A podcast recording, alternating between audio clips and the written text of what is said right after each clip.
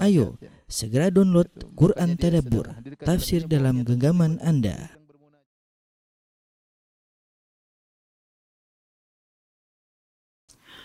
Bismillahirrahmanirrahim. Alhamdulillahi ala ihsanih wa syukru lahu ala taufiqihi wa amtinanih. Wa syahadu an la ilaha illallah wahdahu la syarika lahu ta'ziman li sya'ni wa syahadu anna Muhammadan abduhu wa rasuluhu da'ila ridwani.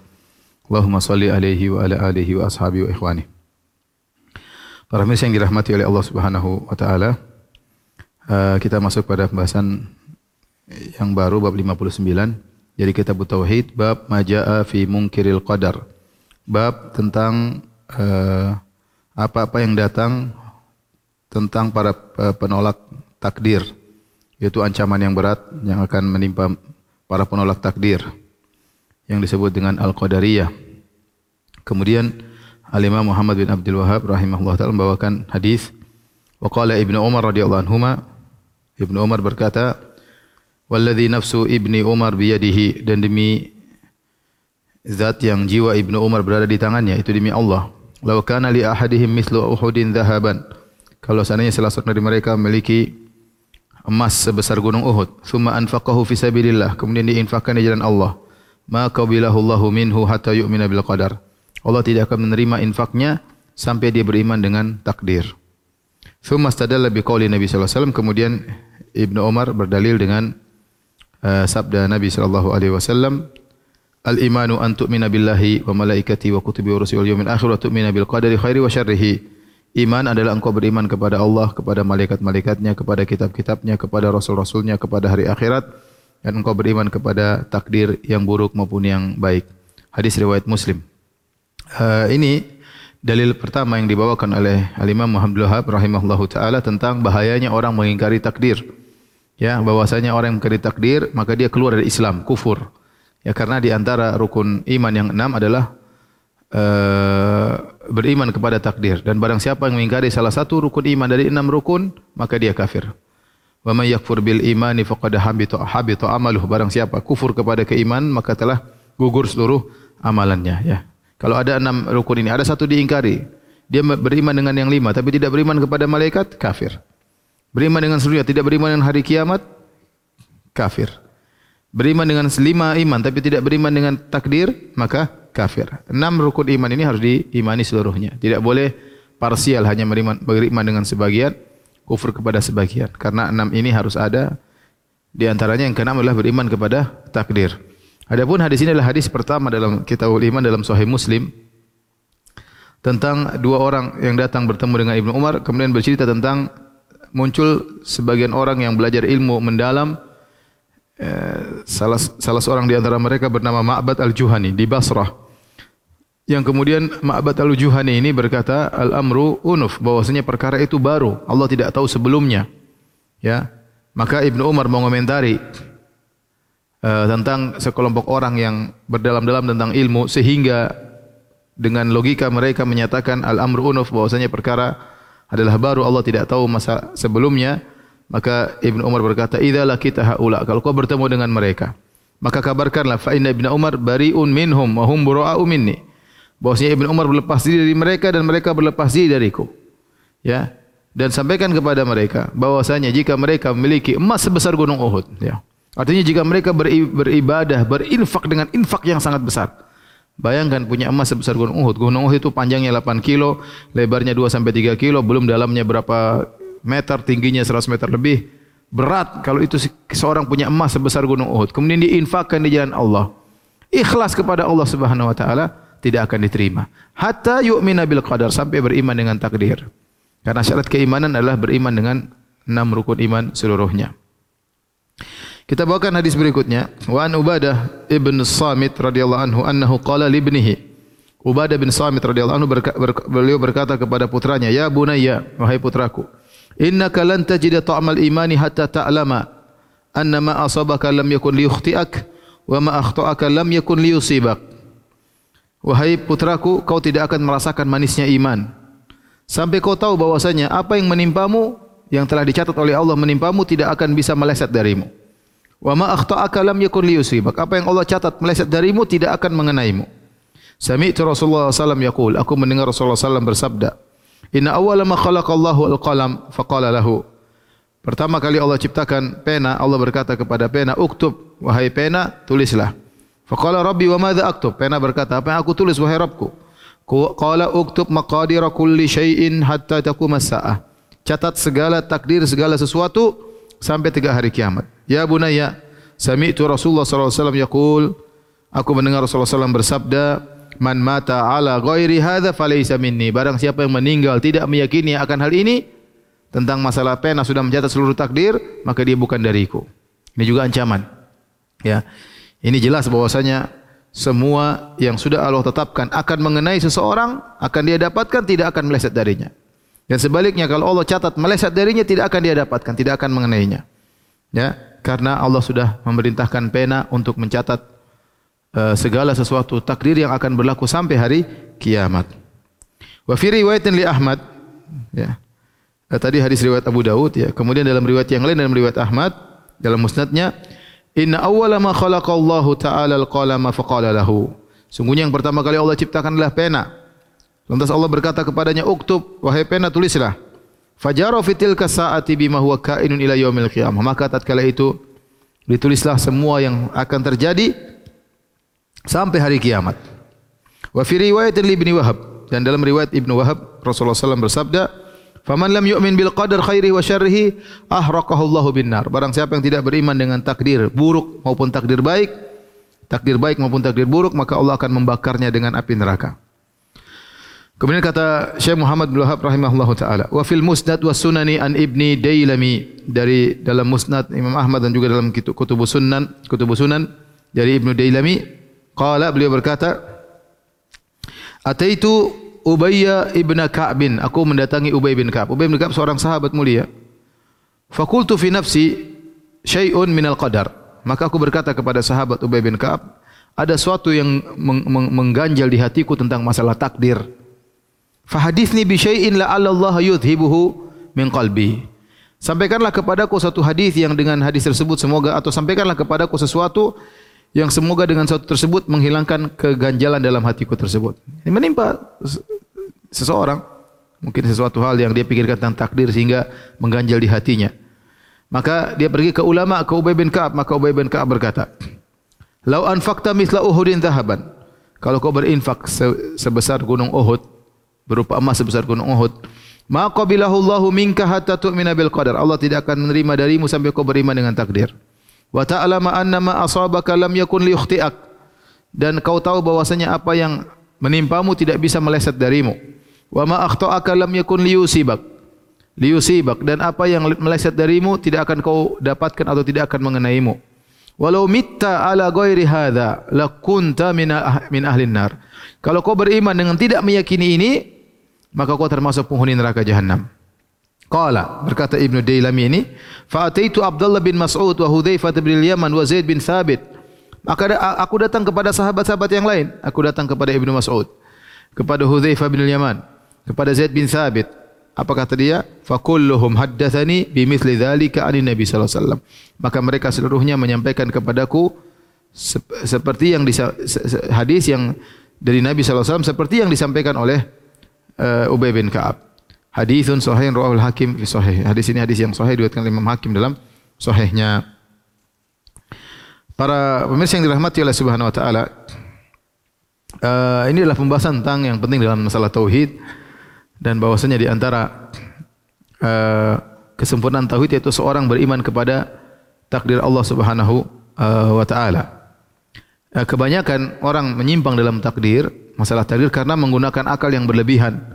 Ya, seperti tadi disebutkan tentang Ma'bad Al-Juhani yang mereka terlalu mendalam ilmu sampai memperdalam hal-hal yang di luar daripada ranah akal tersebut.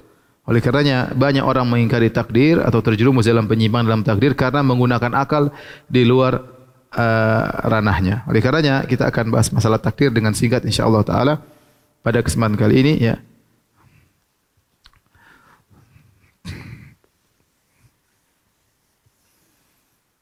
Jadi bab ma jaa fi mungkiril qadar.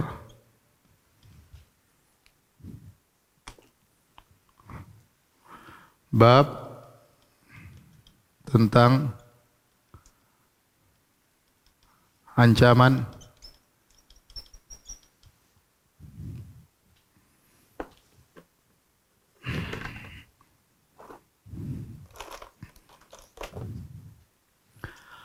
ancaman kepada orang-orang yang mengingkari takdir.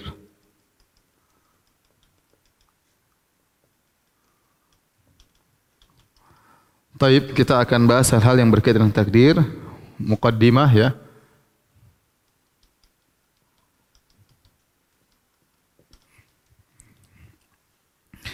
Yang pertama, para pemirsa yang dirahmati Allah Subhanahu wa taala, ya.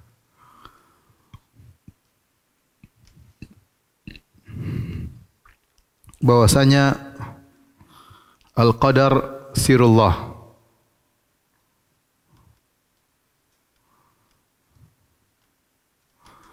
Takdir itu rahasia Allah.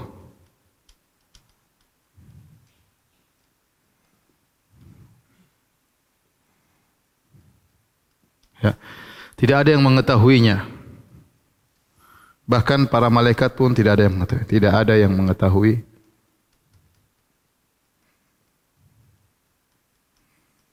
hakikatnya. Baik. Nabi maupun malaikat.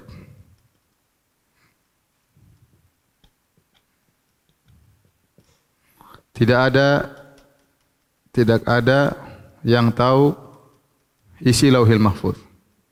Kecuali Allah Subhanahu wa taala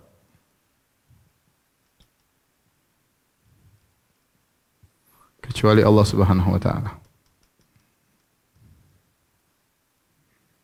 Oleh karena datang dalam sebagian perkataan para salaf di antaranya Ali bin Abi Thalib, beliau berkata Al-qadar sirrullah. Kata Ali bin Abi Thalib, Al-qadar sirrullah. Ya, jadi beliau ditanya, bagaimana tentang takdir? Kata dia, tariqun muzlim fala taslukhu. Takdir itu adalah jalan yang gelap, jangan kau lewati.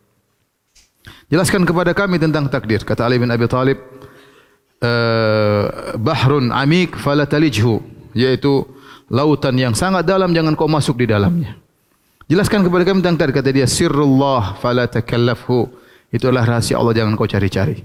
Ya jangan kau cari-cari tentang takdir Allah Subhanahu wa taala. Oleh karenanya Allah ingatkan dalam uh, ayatnya ya la yus'alu la yus'alu amma yaf'alu wa hum yus'alun. Kata Allah Subhanahu wa taala, ya. Allah tidak ditanya tentang apa yang dia dilakukan tentang apa yang ia lakukan.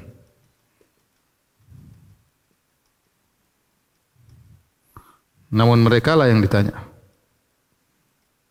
mereka lah yang ditanya, dimintai pertanggungjawaban.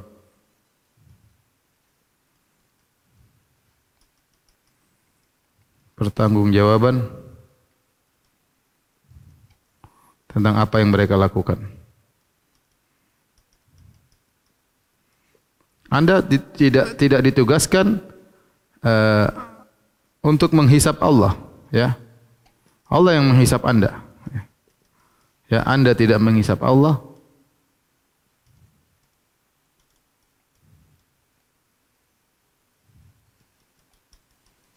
Tapi Allah yang menghisap anda.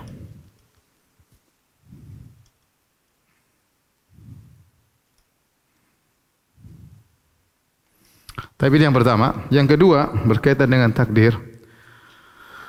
Ketahuilah bahwasanya al-aqal al-aqal lahu had ya akal itu kemampuannya terbatas.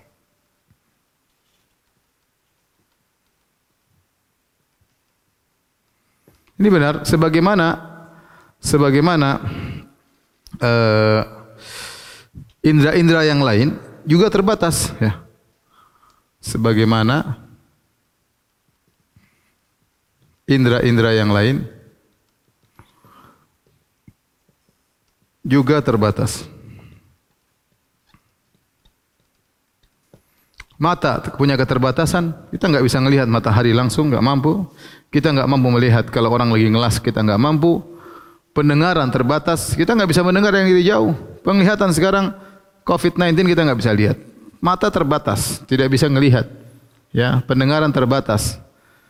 E, semuanya, eh, megang raba juga terbatas. Ya, sama. Sama akal juga punya ranah. Dia hanya bisa berpikir pada ranahnya ya. Sebagai oleh karena diriwayatkan dari Abu Hanifah dia berkata, seorang kalau semakin dalam seperti takdir seperti semakin melihat kepada matahari. Semakin dia menatap lama matahari dia semakin sakit matanya. Ya, semakin dia menunjukkan tentang takdir dia tidak mampu. Dia tidak mampu ya. Kenapa? Karena logikanya logika jika Allah, jika seseorang ingin mengetahui rahasia takdir Allah Allah maka dia harus melewati akal nabi akal para malaikat dan selevel ya selevel dengan ya ilmu Allah. Ya. Banyak hal banyak hal yang jangankan dimikirkan tentang akhirat. Di dunia ini banyak akal kita enggak banyak akal kita enggak sampai ya. Jangankan jangankan urusan akhirat. Urusan gaib. Bahkan di dunia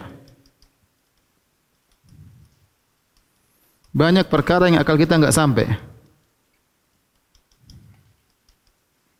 akal kita tidak bisa memikirkannya, tidak mampu memikirkannya. Banyak hal ya, banyak hal. Ilmu kita belum sampai. Kita saja mungkin enggak paham kok bisa. Ya, saya sering sampaikan kalau orang bicara video call kok bisa kedengaran sampai di sana suara kita. Bayangkan seorang di ujung dunia, kutub utara, kemudian kutub selatan, bisa telepon langsung dengan tanpa ada jeda sama sekali. Gimana caranya? Ya susah ya. Hanya orang tertentu yang mungkin bisa mikirin. Kita mungkin nggak bisa mikir. Ya banyak hal yang tidak kita bisa pikirkan. Rahasia-rahasia dalam tubuh. Ya. Uh, corona cara bekerja kita aja nggak tahu gimana cara menghentikannya. Nggak nggak nggak mampu. Akal kita nggak sampai ke situ. Belum sampai. Ya banyak kanker saya sampai sekarang belum orang punya ilmu untuk bisa menghentikan. Lah nggak sampai. Akalnya banyak hal yang kita tidak sampai akal kita ya. Ya. Kalau perkara dunia saja banyak hal yang tidak bisa kita uh, pikirkan karena kemampuan ilmu kita yang terbatas. Bagaimana lagi masalah akhirat?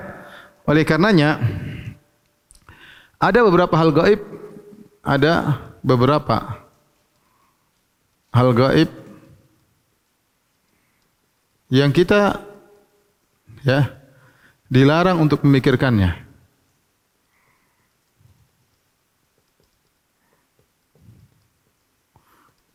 Di antaranya pertama eh, tentang zat Allah. Kita enggak bisa mikir zat Allah. Ya. Oke, dalam hadis dalam hadis setan akan datang kemudian bertanya, "Man khalaqallah?" Setan akan datang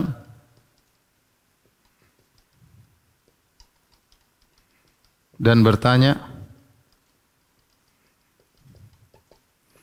Man khalaqallah Siapa yang mencipta Allah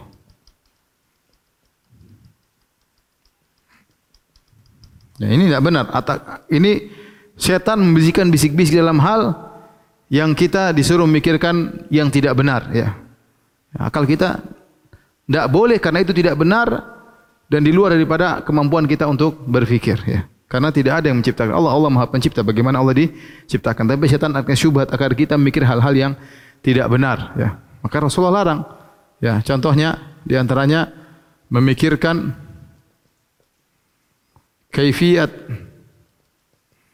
sifat ya zat Allah karena Allah telah berfirman laisa kamitslihi syai' Tidak ada yang serupa dengan Allah. Bagaimanapun kita pikirkan pasti keliru. Ya, di antaranya tidak boleh mikir takdir, tidak boleh mikir rahasia takdir. Kenapa Allah begini, kenapa begitu? Kata Nabi sallallahu alaihi wasallam, "Idza dzukiral qadar fa amsiku." Ya. Jika disebutkan tentang takdir maka tahanlah dirimu, ya. Jangan ngomong. Fa amsiku, jangan bicara, ya. Jika disebutkan tentang takdir maka ditahan diri.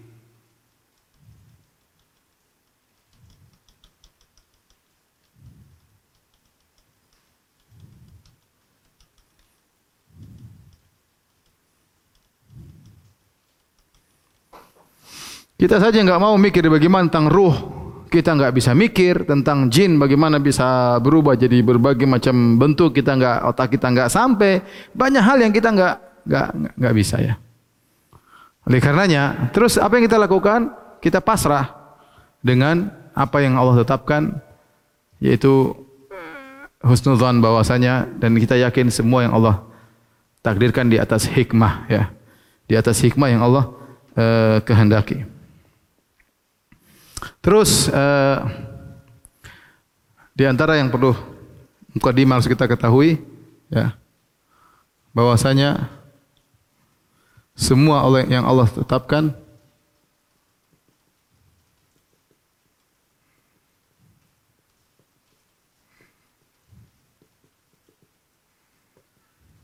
pasti ada hikmah di baliknya.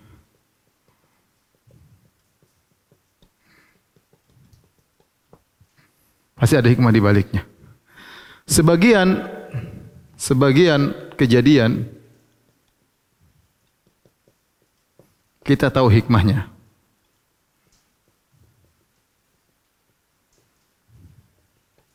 Sebagian kejadian yang terjadi kita oh hikmahnya gini. Terkadang mengalami kita, mengalami kita, kita tahu hikmahnya. Dan itu karunia ya. Allah kasih tahu. Dan banyak hik banyak kejadian yang Allah sembunyikan hikmahnya.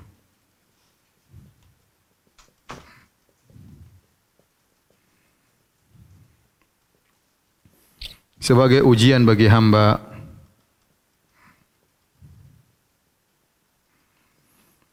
Ketika orang-orang musyrikin protes kepada Nabi sallallahu alaihi wasallam, orang musyrik dalam Al-Qur'an mereka berkata, ya, "Ahaula imanallahu alaihi min bainina?" Apakah mereka orang-orang kaum mukminin Allah kasih karunia sementara kita tidak? Kenapa bisa demikian?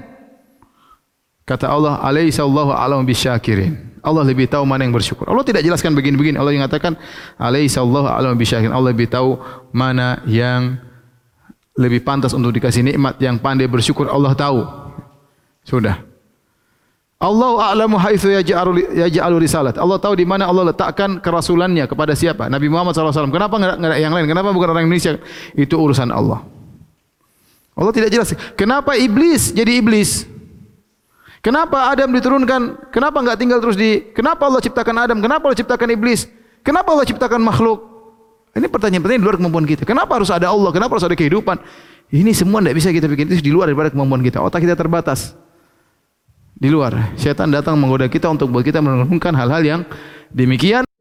Tapi kita yakin bahwasanya semua di balik ya uh, ciptaan atau takdir Allah pasti ada uh, hikmahnya. Terkadang Allah buka sebagian hikmah dan banyak hikmah yang Allah tutup sebagai bentuk ujian kepada hamba-hamba Allah. Kemudian berikutnya apa ya uh, apa buah dari beriman kepada takdir?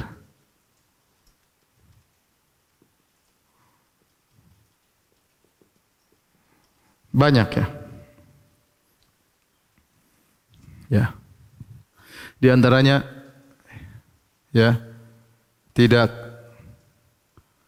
terlalu bersedih. Atau yang pertama, selalu husnudzon kepada Allah.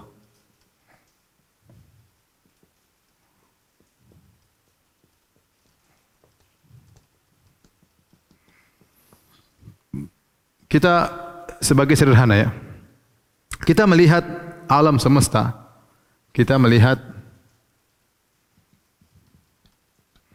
alam semesta yang begitu rapi,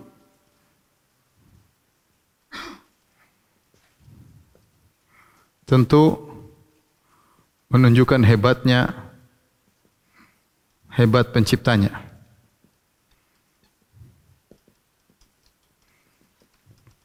Lihat matahari sesuai dengan aturannya tidak pernah maju sedikit. Kalau kita bakalan kepanasan tidak pernah mundur sedikit. Tidak pernah terlambat dari waktunya terbit waktunya terbenam. Berjalan dengan aturan yang muhkam yang benar-benar luar biasa.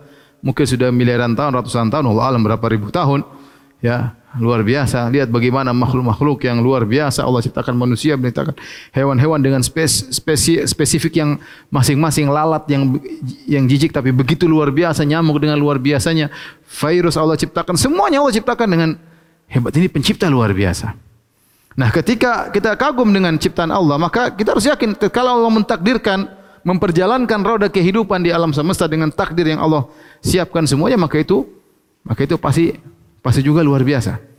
Ya. Pasti ada hikmah-hikmah yang tidak kita paham, tapi kita bisa menganalogikan dengan alam semesta yang Allah ciptakan. Sebagaimana Allah hebat dalam ciptaan semesta, demikian Allah hebat dalam menjalankan takdirnya. Sebenarnya, ya, ya, kita melihat alam semesta begitu rapi tentu menunjukkan hebat penciptanya, demikian juga hebat, demikian juga maka tentu hebat juga hebat dan maha hikmah hikmah tatkala Allah tatkala Allah mentakdirkan kejadian-kejadian.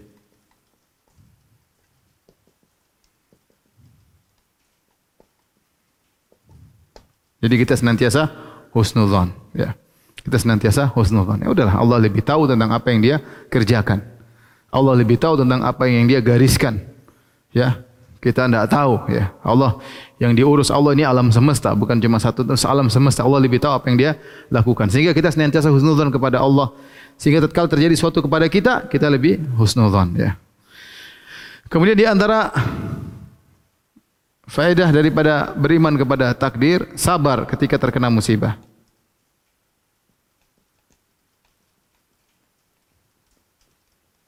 Kita tahu semua sudah ditakdirkan Ma asaba min musibatin fil ardi wala fi anfusikum illa fi kitabin min qabli an nabraha. Kata Allah tidak ada satu musibah yang menimpa di dunia atau menimpa diri kalian illa fi kitabin kecuali telah tercatat di Lauhul Mahfuz min qabli an nabraha sebelum kami uh, menciptakannya.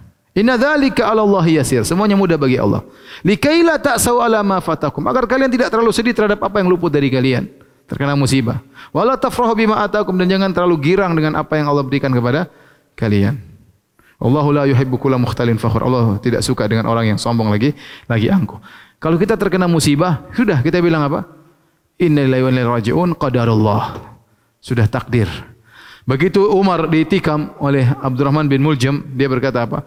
Wa kana amrullahi qadaran maqdura. Itu yang diucapkan oleh Umar. Ditikam, dia mengatakan wa kana amrullahi qadaran maqdura.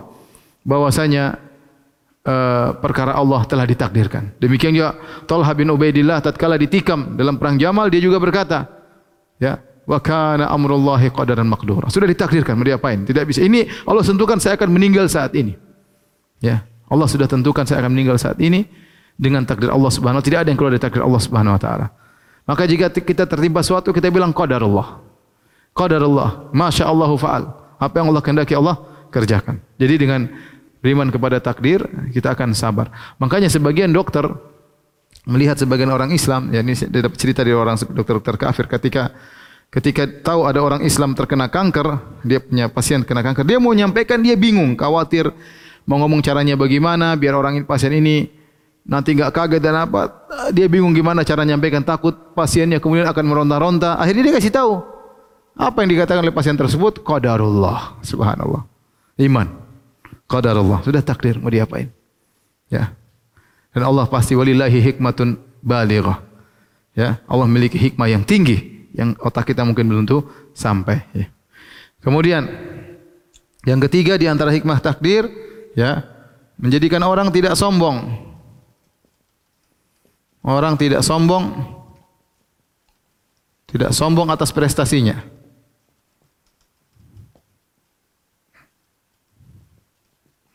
Kata Allah, "Wala tafrahu bima ataakum." Dan kalian tidak sombong dengan apa yang Allah berikan kepada kalian.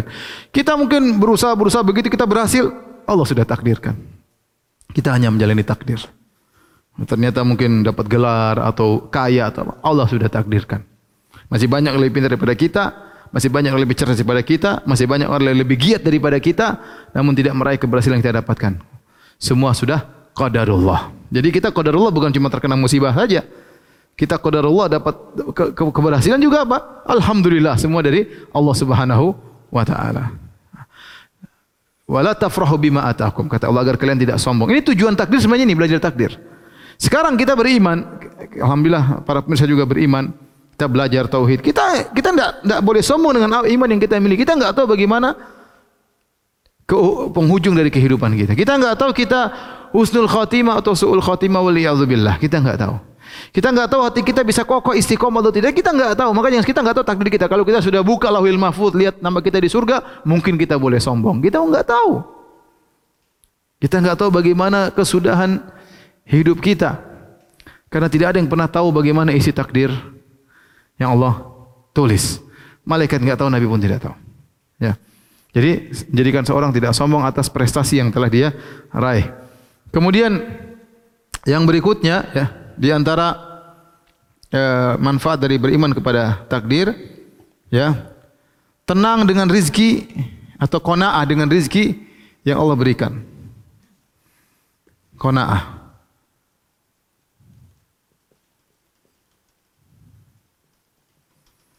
Ya. Nabi SAW pernah bersabda inna ruhal kudus nafatha fi ra'i anna nafsan lan tamuta hatta tastakmila rizqaha Sungguhnya Jibril datang dan memberikan wahyu kepadaku dengan mengatakan bahwasanya tidak ada satu jiwa pun mati kecuali rezekinya telah disempurnakan. Sudah. Kita enggak bakalan mati kecuali jatah rezeki kita sudah kita ambil seluruhnya. Ya. Maka kata Nabi kata Nabi fa ajmilu fi talab kalau begitu cari rezeki dengan cara yang baik. Jangan cari rezeki yang haram. Rezeki kita sudah ditentukan, cari dengan cara yang halal. Allah kasih sudahlah ini yang terbaik bagi kita. Kita enggak tahu kalau kita dikasih rezeki yang banyak, mungkin kita lupa diri, mungkin kita sombong, mungkin kita angkuh, mungkin kita lupa untuk beribadah, mungkin kita tidak menangis di hadapan Allah. Enggak tahu kita. Ya. Pokoknya apa yang Allah berikan, kita berusaha cari dan kita syukuri dan kita qanaah ya dengan apa yang Allah berikan kepada kita karena kita tahu bahwa rezeki kita pasti tidak akan meleset. Allah pasti berikan kepada kepada kita, ya. Allah pasti berikan kepada kepada kita. Ya, semua sudah ada yang ngatur. Allah Subhanahu wa taala sudah mengatur uh, seluruhnya. Kemudian di antara yang terakhir, ya, contoh ya kita bersabar terkena musibah. Kita jalan tahu-tahu qadarullah ada orang lempar kita. Kita bilang sudah. Ini sudah 50 ribu tahun sebelum menciptakan langit dan bumi sudah ditakdirkan saya terkena lemparan ini. Sudah sabar. Seorang wanita mungkin diomelin sama suaminya. Dia bilang sama suaminya, "Wahai suamiku, Omelanmu ini 50 ribu tahun sebelum menciptakan langit dan bumi sudah dicatat kau ngomelin saya hari ini. Sudahlah. Mau diapain? Diceraikan sama suami 50 ribu tahun sebelum menciptakan langit sudah ditetapkan saya akan dicerai oleh kamu. Sedih boleh, tapi jangan terlalu bersedih. Kenapa sudah takdir? Mau diapain? Yang keiman iman. Makanya kadang-kadang kita tidak bahagia. Kenapa? Karena tidak beriman dengan takdir. Tidak bahagia, gelisah sana sini. Sekarang sebagian orang Ustaz ini bagaimana? Ustaz ini ada masalah gini. Ya, memang orang boleh gelisah, tapi jangan terlalu gelisah. Semua sudah ditakdirkan. Apa yang terjadi di depan kita? Ini pandemi kapan selesai? Ya udahlah, mau diapain kita jalani. Semua susah, tapi jangan terlalu apa? Jangan terlalu berlebihan sehingga kita suudzon macam-macam. Kemudian kita khawatir tentang masa depan kita macam boleh, tapi jangan berlebihan. Jalani saja yang penting bertakwa kepada Allah. Allah yang menjalankan urusannya. Biarkan Allah menjalankan urusannya. Yang penting tugas antum bertakwa beribadah kepada Allah. Ya, tugas kamu beribadah kepada Allah. Tugas beribadah Allah urusan rezeki urusan Allah. Ya. Sebagian orang berlebih-lebihan kenapa kurang iman kepada takdir, tidak bisa terima dengan kondisi seperti ini, seakan-akan protes kepada Allah. Dia tidak tahu apa yang hikmah yang Allah kehendaki di balik ini semua. Kemudian yang kelima ya. Yaitu berusaha dan bertawakal. Orang kalau percaya dengan takdir, dia bertawakalnya tinggi. Kenapa? Karena dalam hadis ihris ala ma yanfa'uk wasa'in billah wala ta'jaz. Semangatlah mencari apa yang bermanfaat bagimu dunia dan akhirat. Semangatlah dan jangan kau malas.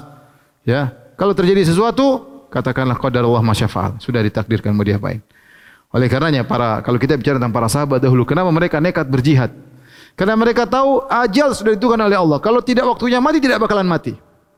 Lihatlah Khalid bin Walid radhiyallahu anhu yang masuk dalam berbagai macam pertempuran sekian banyak puluhan pertempuran dia lakukan, dia tidak mati dalam pertempuran. Ternyata meninggal di ranjang di atas tempat tidur dengan sakitnya. Ya.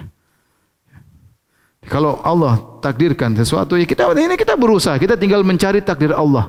Ya, makanya ya tugas kita lah berusaha, ya, berusaha.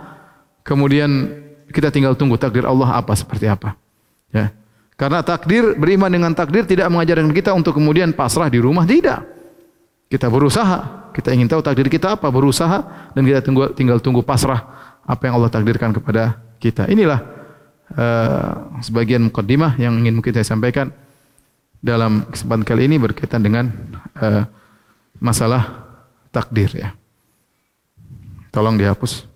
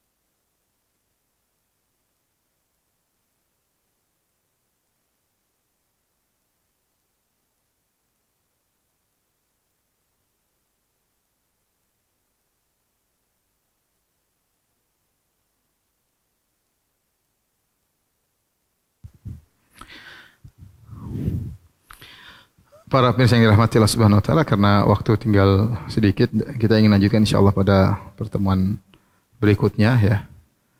Nanti kita akan umumkan lagi kapan ya. Tapi intinya eh, beriman kepada takdir yang adalah salah satu ya keistimewaan eh, yang Allah ajarkan melalui nabinya kepada kita umat Islam sehingga mengajarkan memberikan ketenangan luar biasa bagi diri seseorang dalam menghadapi berbagai macam permasalahan. Ya, beriman dengan tadi hatinya menjadi tenang. Ya, apapun yang terjadi dia menjadi tenang. Apalagi dia sudah beriman kepada Allah dia sudah menjalankan ketakwaan kepada Allah maka dia tenang dan dia husnuzon kepada Allah Subhanahu wa taala. Kadang kita gelisah. Kenapa? Karena iman kita kepada takdir kurang. Dan ini saya katakan ini bukan masalah ini bukan masalah teori ini masalah kita praktekkan dengan kehidupan yang berjalan dengan peristiwa-peristiwa kehidupan. Kita kuatkan iman kita kepada kepada takdir. Masalah tauhid seperti yang kita ajarkan bukan cuma sekedar teori. Tetapi kita butuh praktekkan dalam kehidupan kita. Karena tidak semua yang kita alami menyenangkan diri kita. Ya. Tidak semua yang kita rencanakan sesuai dengan eh, rencana yang kita inginkan. Betapa sering tidak sesuai dengan apa yang kita rencanakan. Tapi kalau orang beriman kepada takdir dengan iman yang baik, maka dia akan tenang dalam menghadapi segala permasalahan. Wallahu taala bisawab. Demikian saja yang saya sampaikan. Insyaallah kita lanjutkan pada kesempatan yang lain. Subhanakallah bihamdika asyhadu an la ilaha anta astaghfiruka wa atubu ilaik. Assalamualaikum warahmatullahi wabarakatuh.